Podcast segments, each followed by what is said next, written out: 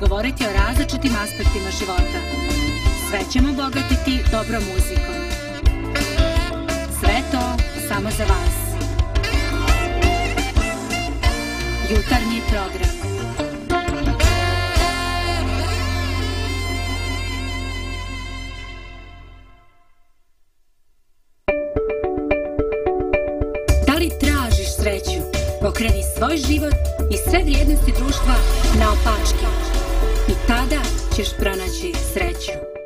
Program Naopačke.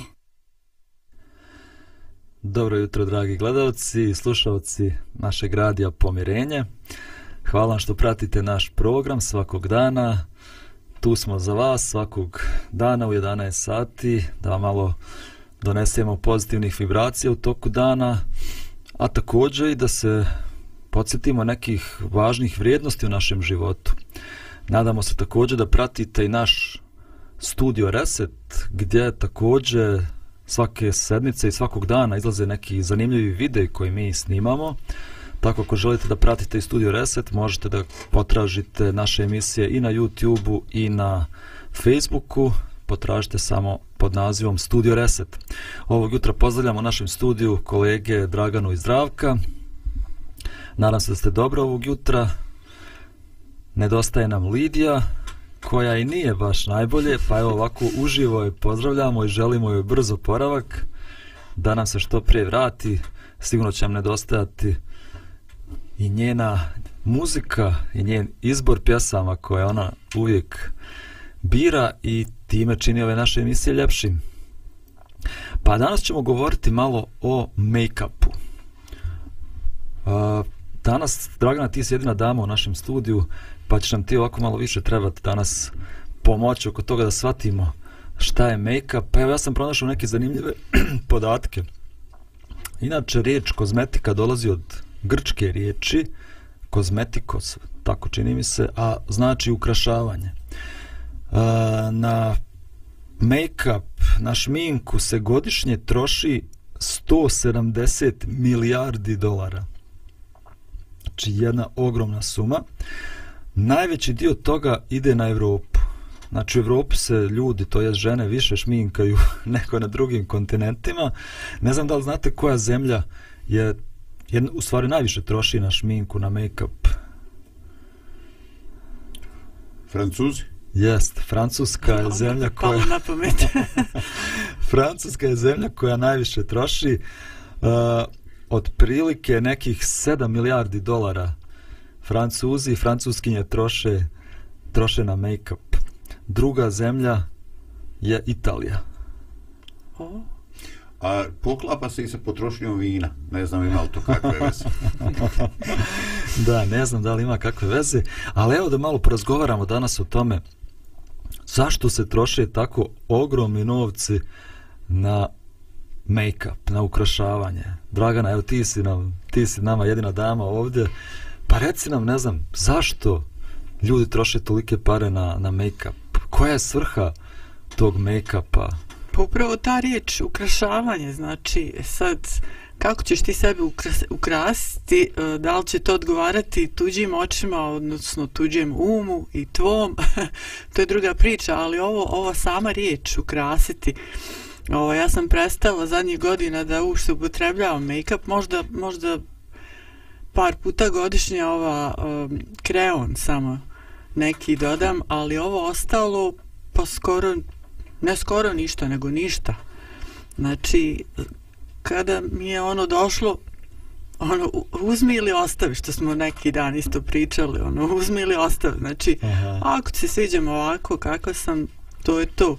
Znači, bez ukrašavanja, ovaj, iako volimo da, da sve lijepo izgleda i da da je sve onako estetski, da prija nekako umu i oku, ali to što se to, troši na, na šminku, um, tu ima nešto više, to nije samo ukrašavanje, to počinje, znači već navika da se rađa i onda ide dublje i dublje, jednostavno ljudi žele da se sakriju. Mm -hmm. To je moja pretpostavka, ograđujem se. Ovo je žestoko. Da.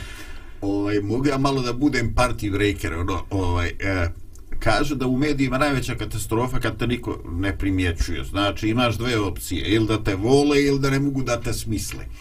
Kaže da su uspješni medijski radnici oni koji izazivaju oba dvoje. Evo ja, meni pala ideja kako da sebe proguram u to. Kaže kad je ovaj, to je, to je ovaj, naravno šala i to je parodija. Kaže kad čitao prvu Mojsijevu kad je Bog stvorio čovjeka on je rekao dobro. I onda kad je stvorio Evu, rekao je, e ti ćeš se morat malo šminkati. E sada, dok neko kaže ua, drugi kaže e super, ovaj, očito ja se penjem na medijskoj ljestvici, naravno šalimo se, sretan vam dan zaljubljenih, ne zamjerite. Ali morao sam, bilo mi je preveliko iskušenje. Da, da, mislim, Zrako, da nisi baš dobro čitao te prve tekstove u Bibliji. mislim da prvo kad je stvorio muškarca, rekao je nije dobro. Aha, nije dobro da je... A kad je stvorio ženu, tamo kaže da je Adam bio toliko iznenađen da je rekao, na jevrijskom se to kaže, e, naziv za ženu je Iša, a ja zamišljam da je on rekao, a Iš, iš znači čovjek, on je rekao Iš, a.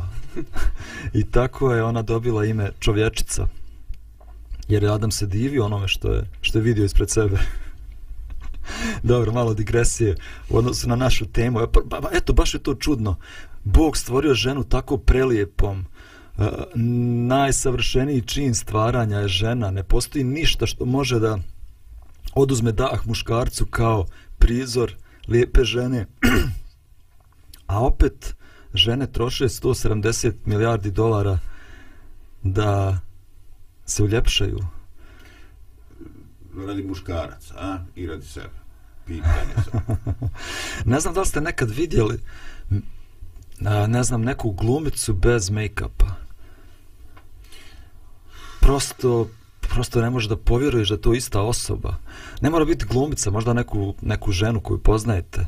Kad je vidite bez make-upa, začudite se, pa to nije ta ista osoba uopšte. Koliko make-up može da, mm -hmm. da promijeni izgled? da, to je Photoshop uživo, ono. da, da, da, da.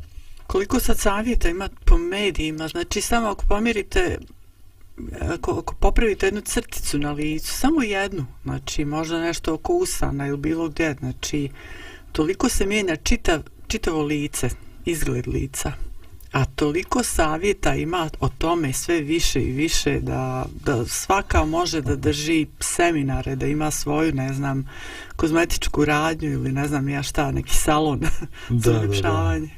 Znači, cilj make-upa nije samo ukrašavanje i uljepšavanje, cilj je također i skrivanje, jer make-up ti pomaže da sakriješ neku ožiljak, fleku, uh, neki nepravilnost na licu. Crven nos. Crven nos. da, ti, da ti malo podeblja usne, da ti oči nekako izgledaju krupnije. Ove, sve je to cilj tog make-upa. Uh, ajde u drugom dijelu ćemo malo govoriti o nekoj drugoj vrsti make-upa u kome učestvuju muškarci podjednako kao i žene, a to je neki duhovni make-up. Ali ajde prije toga da čujemo jednu lijepu muzičku numeru pa ćemo da nastaviti našu priču.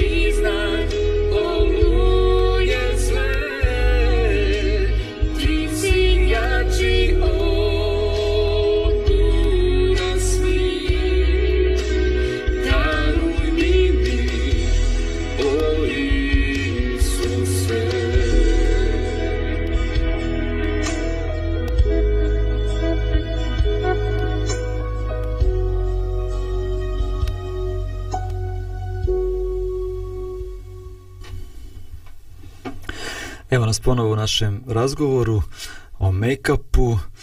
Rekli smo da se jako puno novaca troši na ukrašavanje lica, ali također postoje druge vrste make-upa za koje možda ne plaćamo tako velike novce, ali želimo da ukrasimo naš karakter ili da sakrijemo neke mane našeg karaktera.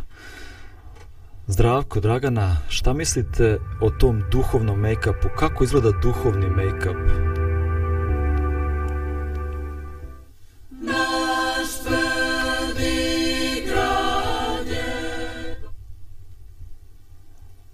Izvinjamo se zbog malih tehničkih poteškoća. Danas nam je Zdravko Tonac.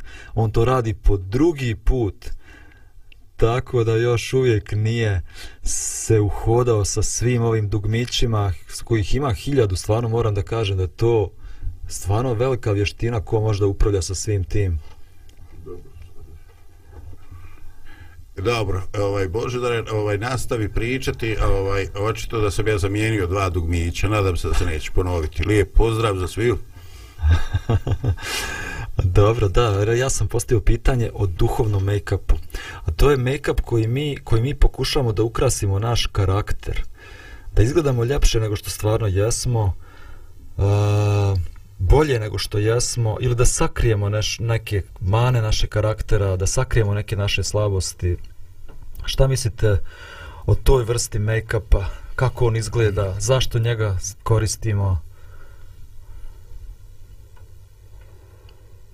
Upravo to što se rekao. Znači da sakrijemo nešto i da se uljepšavamo. Znači što se tiče tog tih nekih duhovnih osobina.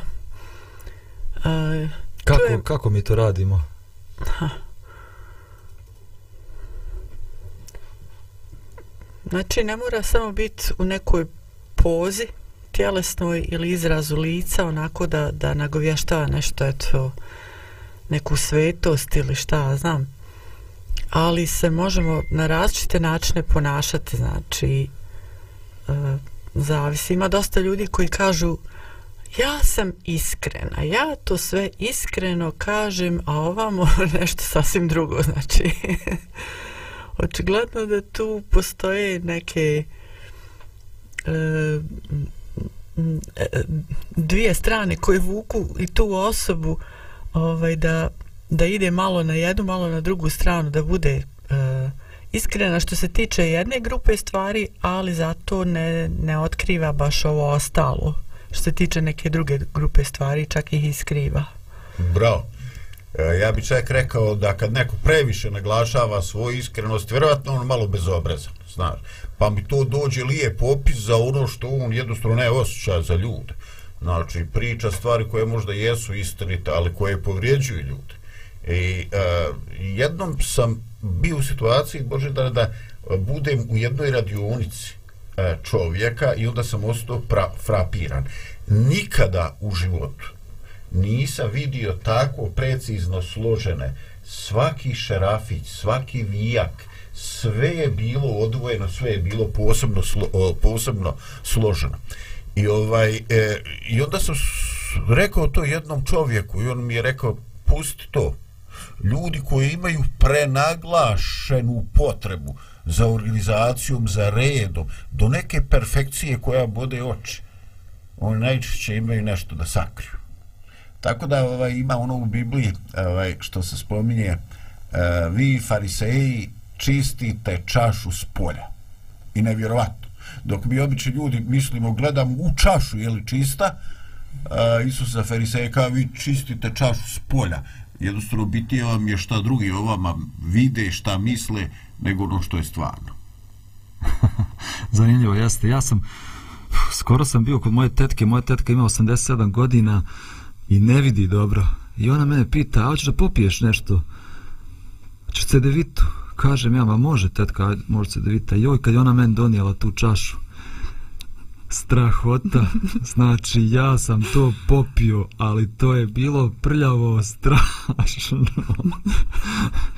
ali eto neki bolje kad je čaša prljava s polja nego iznutra kad moraš da piješ. Ali ružno je kad misliš da je nešto tako ovaj lijepo, a unutra a unutra strašno prljavo. Nažalost, mi takve impresije dajemo jedni drugima. Najčešće oni koji najviše govore o moralnosti, o poštenju, su ljudi koji se bore sa tim istim slabostima, sa tim istim grijesima.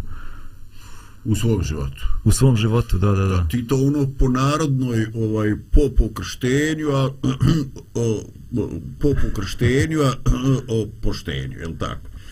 I sve je to prepoznato u narodu davno. Da. Bio jedan film prije nekog vremena, zaboravio sam kako se zove film, mi smo ga pogledali, moja supruga i ja, o nekom čovjeku koji je izbjeglici, koji je došao iz Hrvatske u Beograd i muči se tu i teško živi i jednog dana njemu se pojavio reol iznad glave. I sad to bilo svima zanimljivo, njemu se pojavio reol. Pa i njemu to sad nekako prijalo, pojavio mu se reol. Međutim, to mu velike probleme u životu predstavljalo. Taj reol, da se onda on trudio na svaki mogući način da skloni to sa svoje glave. Ali nije, nije mu to išlo tako lako ima u Bibliji također zapisan apostol Pavle u svom pismu crkvi u Korintu. Spominje jedan događaj iz starog zavjeta, spominje Mojsija, kome se lice sjajilo nakon susreta sa Bogom. I to je također zanimljivo. A, ako ste nekada slušali, čitali ili gledali čuvenu skulpturu Michelangela Mojsija, na njoj ima nešto neobično. Onako Mojsije fantastično izgleda, Međutim, na njegovoj glavi se nalaze dva roga.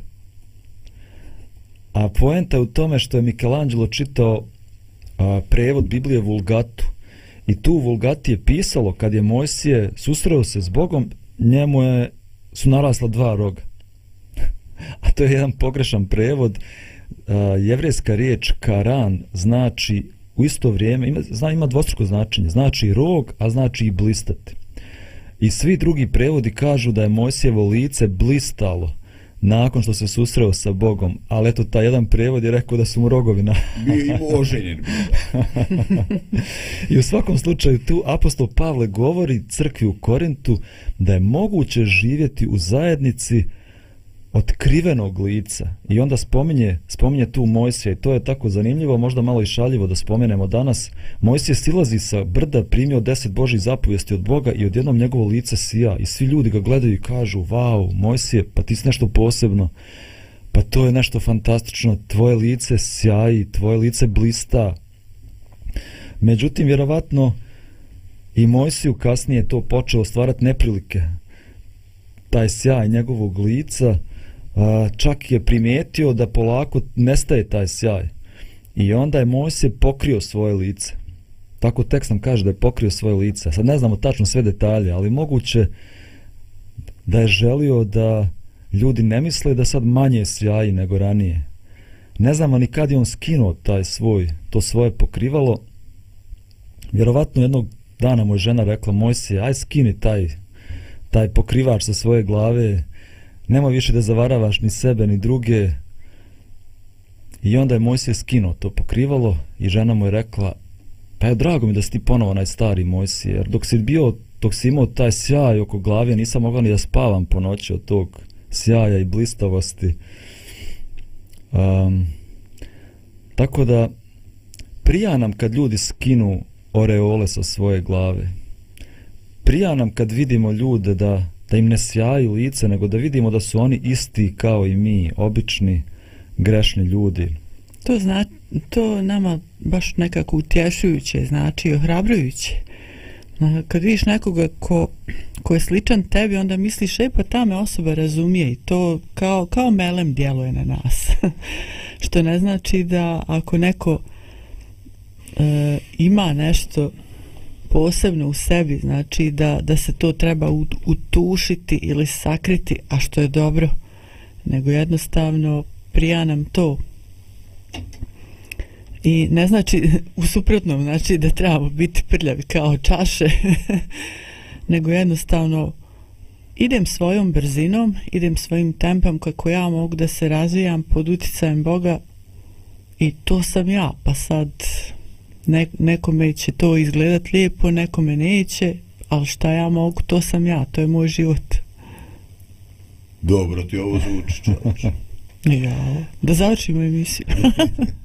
lakši, lakši je život. Evo, pogledajte taj film, mada je bilo neki dosta užasnih scena u tom filmu, ali zanimljiva je čistava ta priča. Lakši je život kad ne nosiš oreol na glavi. Lakši je život kad ne nosiš to pokrivalo. Kad ne moraš da se pretvaraš da si nešto što nisi. Čak mi to radimo da bi ljudi imali bolje mišljenje o nama. Ali prava istina je kad skinemo tu masku, kad skinemo taj oreol, ljudi su više privučeni nama. Nije, nije, nije problem sam u oreoli, ima, ima mnogo, mnogo ljudi koji ismijavaju te stvari jer i nemaju neko svoje mišljenje, niti imaju informacije o tome, ali jednostavno ta, ta neka aura, to, to neko svjetlo, duhovno da kažem, uh, koje se i ne može vidjeti očima, ali što se vidi ovako kroz ljude, e, to nekako ljudima e, čudno zvuči, uh, toliko čudno kažem da, da ismijavaju, ali samo ono ne mora biti i nije uh, teret čovjeku ako je to što si ti rekao sad prirodno u čovjeku, a ako se on pretvara, znači da je, da je neko uzvišeniji, e to je i njemu teret, a i njegovoj okolini. Da, da, da. Zdravko, izvoli. Pa ne znam, imam neke teške misli, mi se kolaju po glavi. Ovaj, eh, u prvoj knjizi Mojsijevoj je zabilježen ono brat ubistvo, Kain ubija Avelja. Zato što ovaj na neki način i uspješniji, ima njegova teologija, donosi rezultate, Bog prihvaća njegovu žrtvu.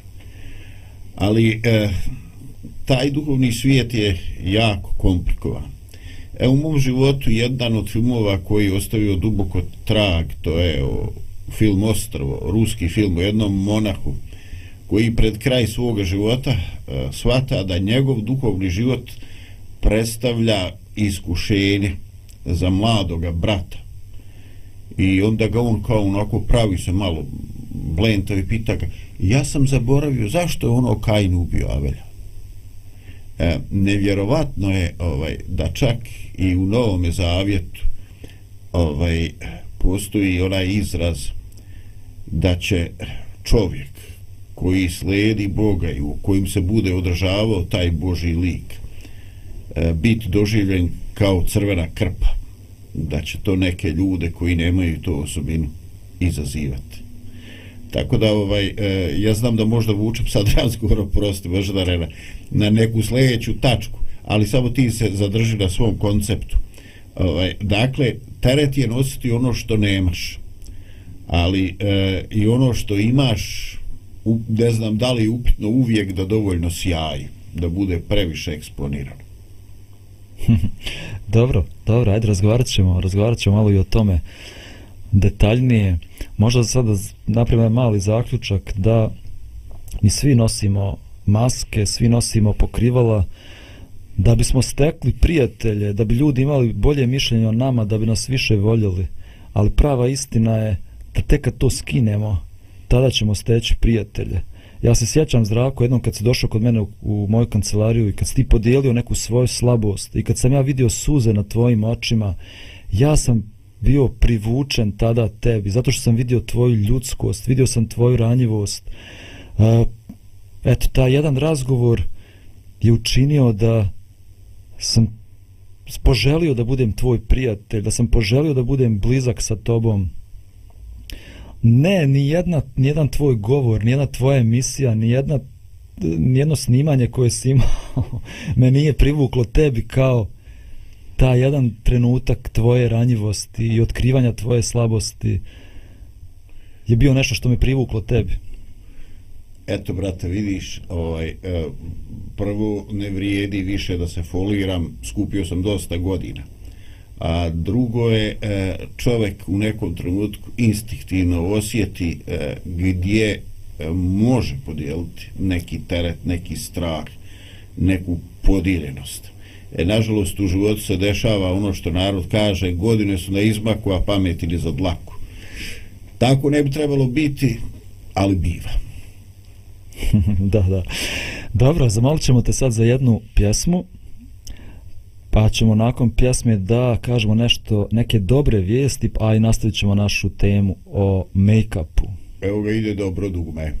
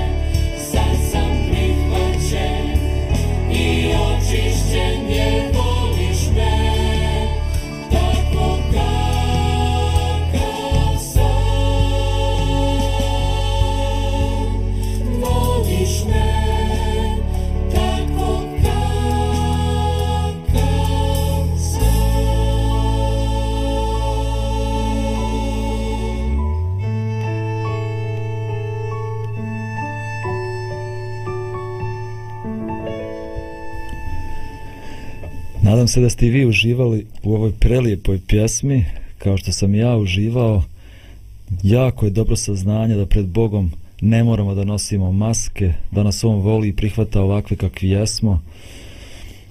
Ali evo još pre nego što pređemo na malo dublji razgovor o make-upu i duhovnom make-upu, danas imamo jedne uh, dobre vijesti koje nam dolaze iz Turske.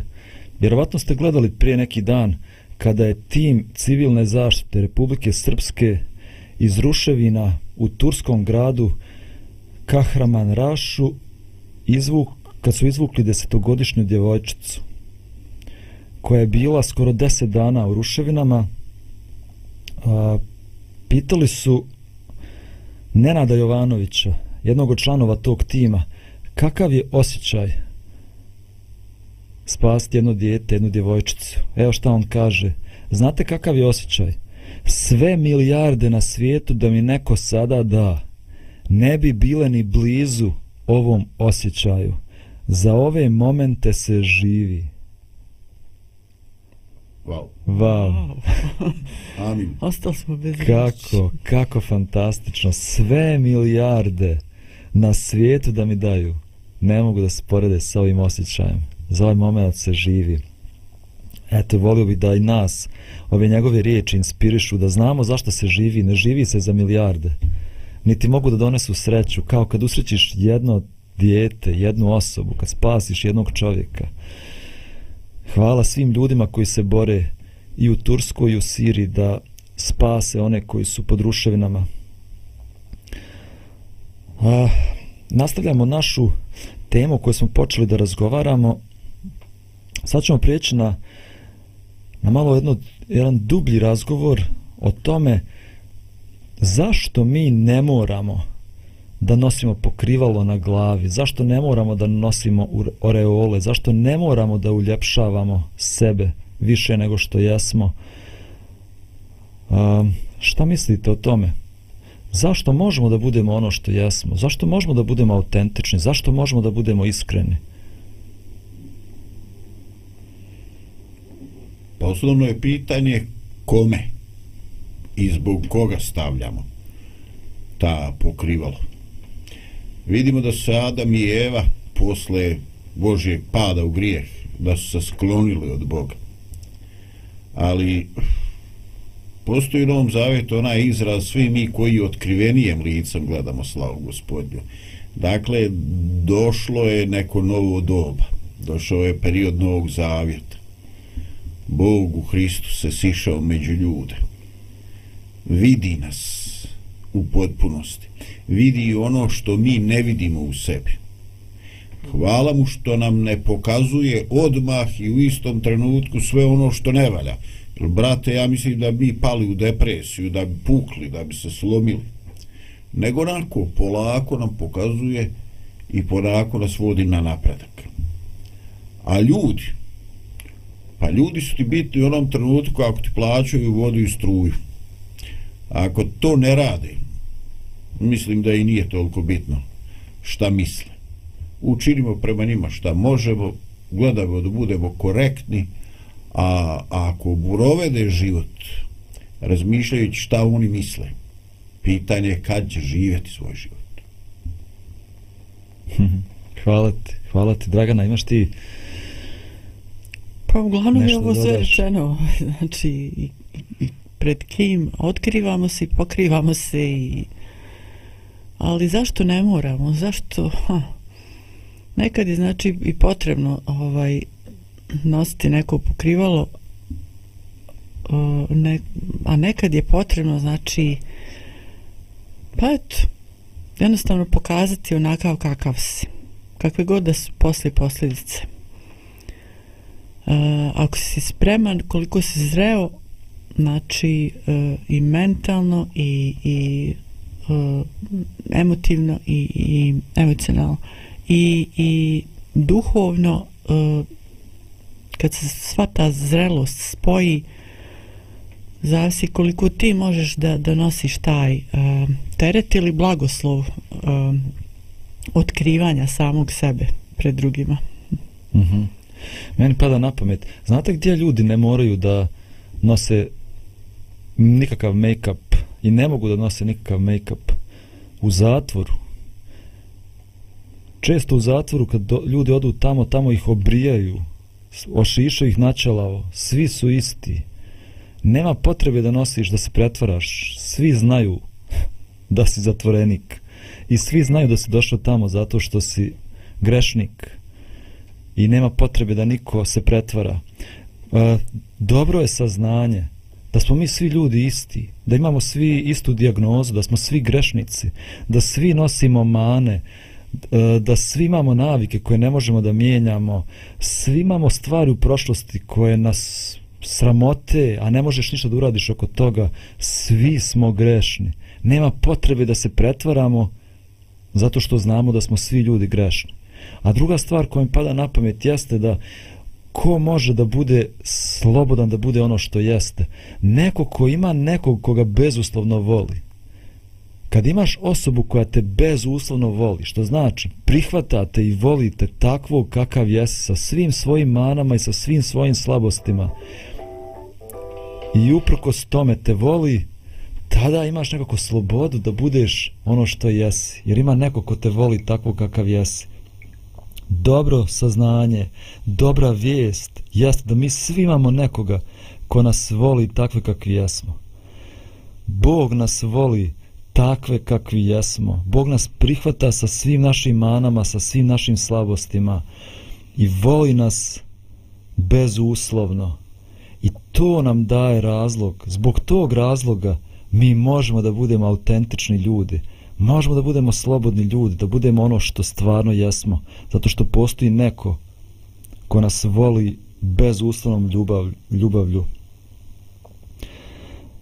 Ne znam da li ste primijetili da djeca ne nose nikakve maske. Znači, djeca na licu sve vidi a, ne znam, kad pobjedi na takmičenju ili kad mora da jede grašak ili mahune, mahune njemu se sve na licu vidi. Djeca ništa ne skrivaju. Oni su to što jesu uvijek. Ali što postajemo stari, mi nekako učimo da upravljamo našim licem. U srcu osjećaš strah, ali nabaciš neku masku na lice, lice ti pokazuje kao da si toliko samopouzdan, kao da nemaš nikakve brige. Kaž, kaž, zdravko. U da si ono nezgodan tip, ono kao. Jeste. Zašto mi to radimo? Zašto vremenom učimo da upravljamo svojim licem? Izgleda da, na, izgleda da nas okolina uči da, da bi to trebalo. Dakle, e, verovatno se to pojavljuje kao neka potreba, neumitnost, mogućnost da jednostavnije i jeftinije prođemo i izađemo iz nekih situacija. Ili jednostavno naš osjećaj frustracije, osjećaj krivice, osjećaj da smo iznevjerili i žele da to sakriš, brate, da se nekažnjeno izvučeš. Ovaj, a, ali e, opet, kad se čovjek razmišlja o životu, to što se mi izvučemo iz nekih situacija zato što uspješno odglumimo da smo nešto drugo. E, ne poboljšava to ništa naš kvalitet života. E, jednostavno ovaj, jednom ćemo sabirati to vrijeme i vidjet ćemo možda da smo previše vremena potrošili upravo u tome imitaciji života u očekivanju nečega u pravljenju nekoga lažnoga imidža da smo jednostavno trebali živjeti ovaj, jer prolazi sve i e, nije problem nešto što nam je neko nešto oteo. Problem je nešto što smo u svojoj životnoj gluposti sami pustili da propadne.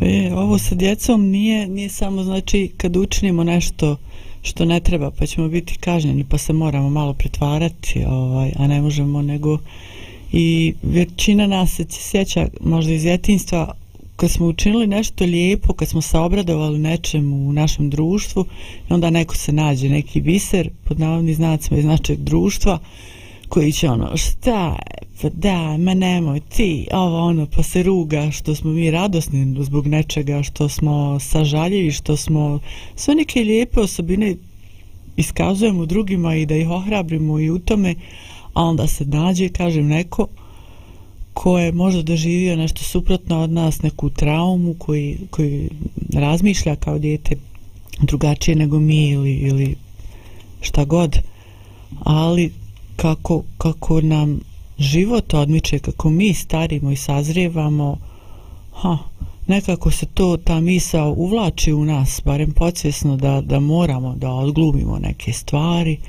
kao bit će nam lakše, manje ćemo biti povrijeđeni, bez obzira da li sakrivamo one dobre ili loše strane. Da.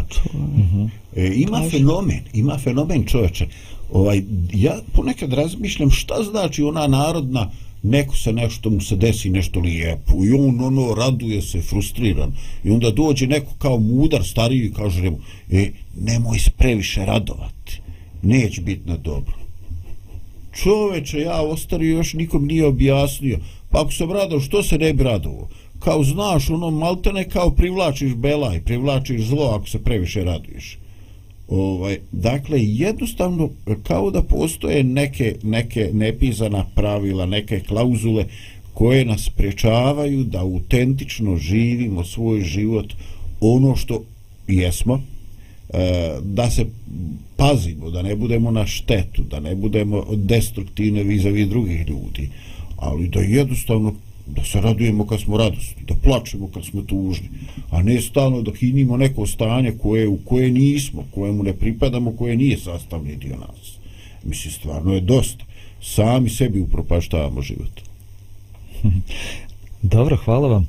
U zadnjem dijelu emisije govorit ćemo o još jednoj bitnoj stvari kada je u pitanju autentičnost, biti ono što jesi, ne samo da je lakše tako živjeti, ne samo da ću imati više prijatelja ako sam iskren i autentičan, već je to bitno i zbog toga što nama potrebno iscijeljenje i što nam je potrebno oproštenje. Ali edo o tome ćemo govoriti u narednom segmentu, prije toga jedna muzička tačka.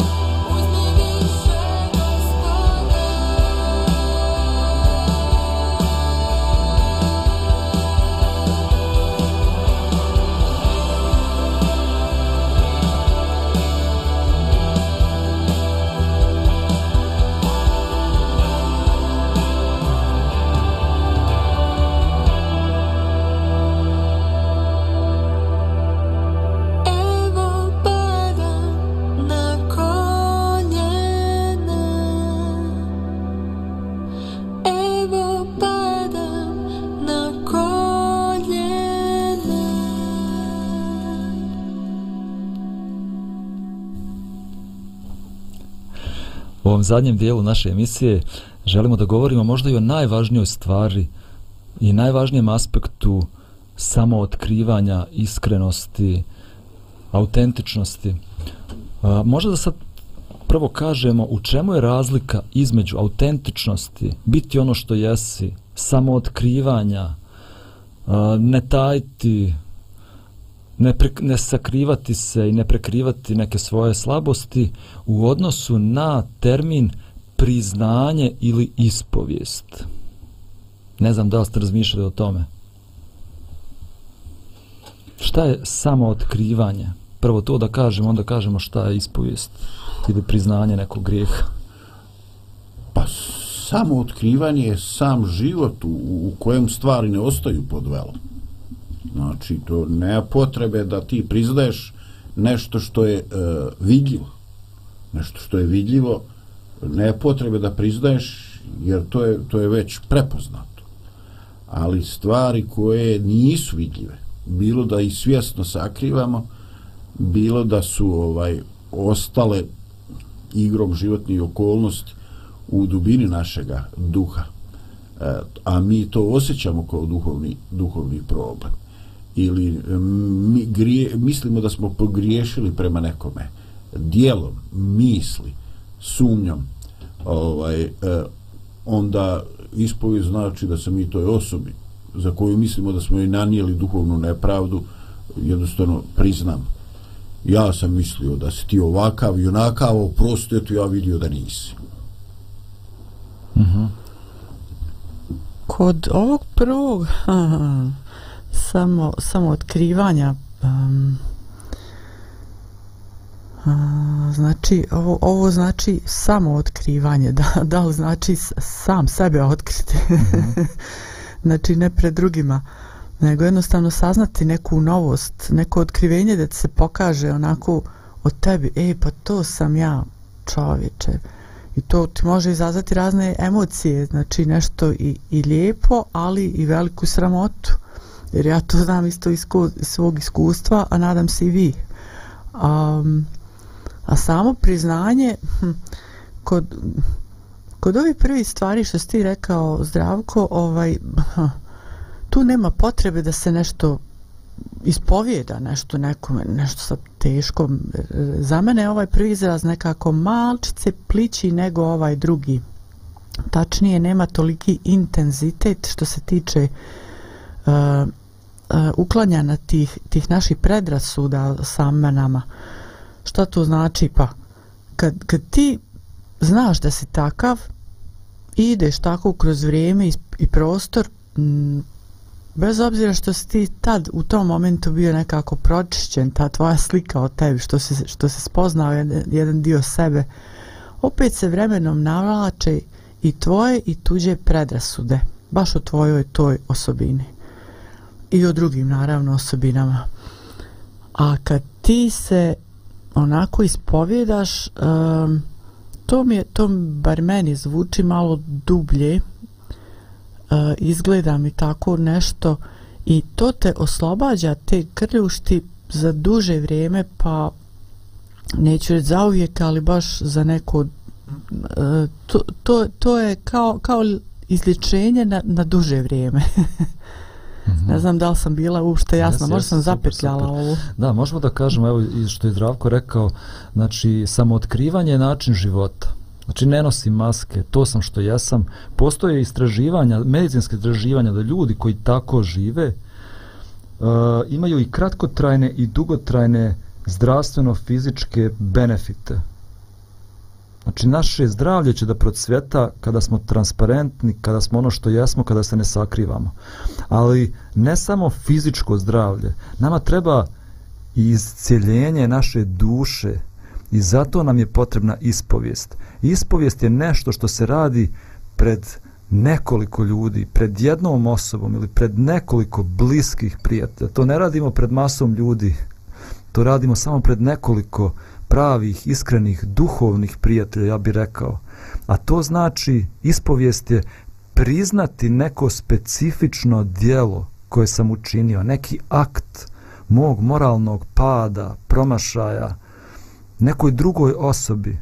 a onda u toj duhovnoj zajednici začuti riječi Bog ti je oprostio Bog te voli Bog ti daje snagu da ustaneš i to je nešto posebno i nešto, nešto moćno nešto što donosi isceljenje duše i srca postoji jedan tekst u Bibliji jednom smo ga i citirali koji kaže ispovjedajte grijehe jedan drugome i molite se Bogu jedan za drugoga da biste ozdravljali. Mi ne ispovjedamo grijehe jedan drugome da bi dobili oproštaj. Bog je taj koji oprašta, a mi ispovjedamo grijehe jednim drugima da bismo doživjeli ozdravljenje. A, ne znam da li ste vi to nekad doživjeli u svom životu, ja sam to sinoć doživio. Ja inače vodim grupu podrške za zavisnike koji se bore sa seksualnom zavisnošću. I sinoć nas je bilo četvoro u toj grupi, online grupa, i oni dijele svoje živote i pričaju svaki put kakva je bila njihova sedmica. I pričaju o svojim padovima. U četvrtak imao sam iskušenje, pao sam. I to tako tužno zvuči. I oni su tužni zbog svega toga. I svake sedmice ista priča se priča. I kad su oni sve to ispričali, ja sam pripremao ovu emisiju ranije, pa sam se sjetio šta trebam da kažem. Ja sam njima rekao, braćo moja, ja hoću da vam kažem, Bog vam je oprostio, On vas voli, njegova snaga vam je dostupna kad god to poželite kad god pozovete. Jedan od njih kaže meni, vidiš, ja sam poslije toga, kaže, ja sam to intelektualno znao, ali bilo je tako dobro čuti te riječi od nekog drugog. Bravo. Ako imate neki komentar, može, evo, prije kraja emisije. Da. Pa definitivno e, ta institucija ovaj, ispovjedanja postoji u tradicionalnom religioznom pristupu. Ovaj, možda je upravo, upravo ono što je bitno razumjeti. E, čovjek to ne radi tek da bi mu tek tako nekim optimizmom bilo oprošteno zato što je on rekao nego zato što želi zaista da doživi e, promjenu i zato što je spreman suočiti se svojim nedostatkom i tražiti da od ozgo dobije pomoć. Hvala ti zdravko. Evo na kraju možemo da kažemo da autentičnost, iskrenost, priznanje, ispovijest naših slabosti ima mnoge benefite u životu, fizičko zdravlje, duhovno ozdravljenje, ali također još nešto što nismo spomenuli, to stvara zajedništvo. Nema zajedništva bez iskrenosti, bez samootkrivanja i bez priznanja. Moja želja da danas živimo bez make-upa, da skinemo naš make-up i da budemo ono što jesmo. Svako dobro vam želimo iz studija i radija Pomirenje.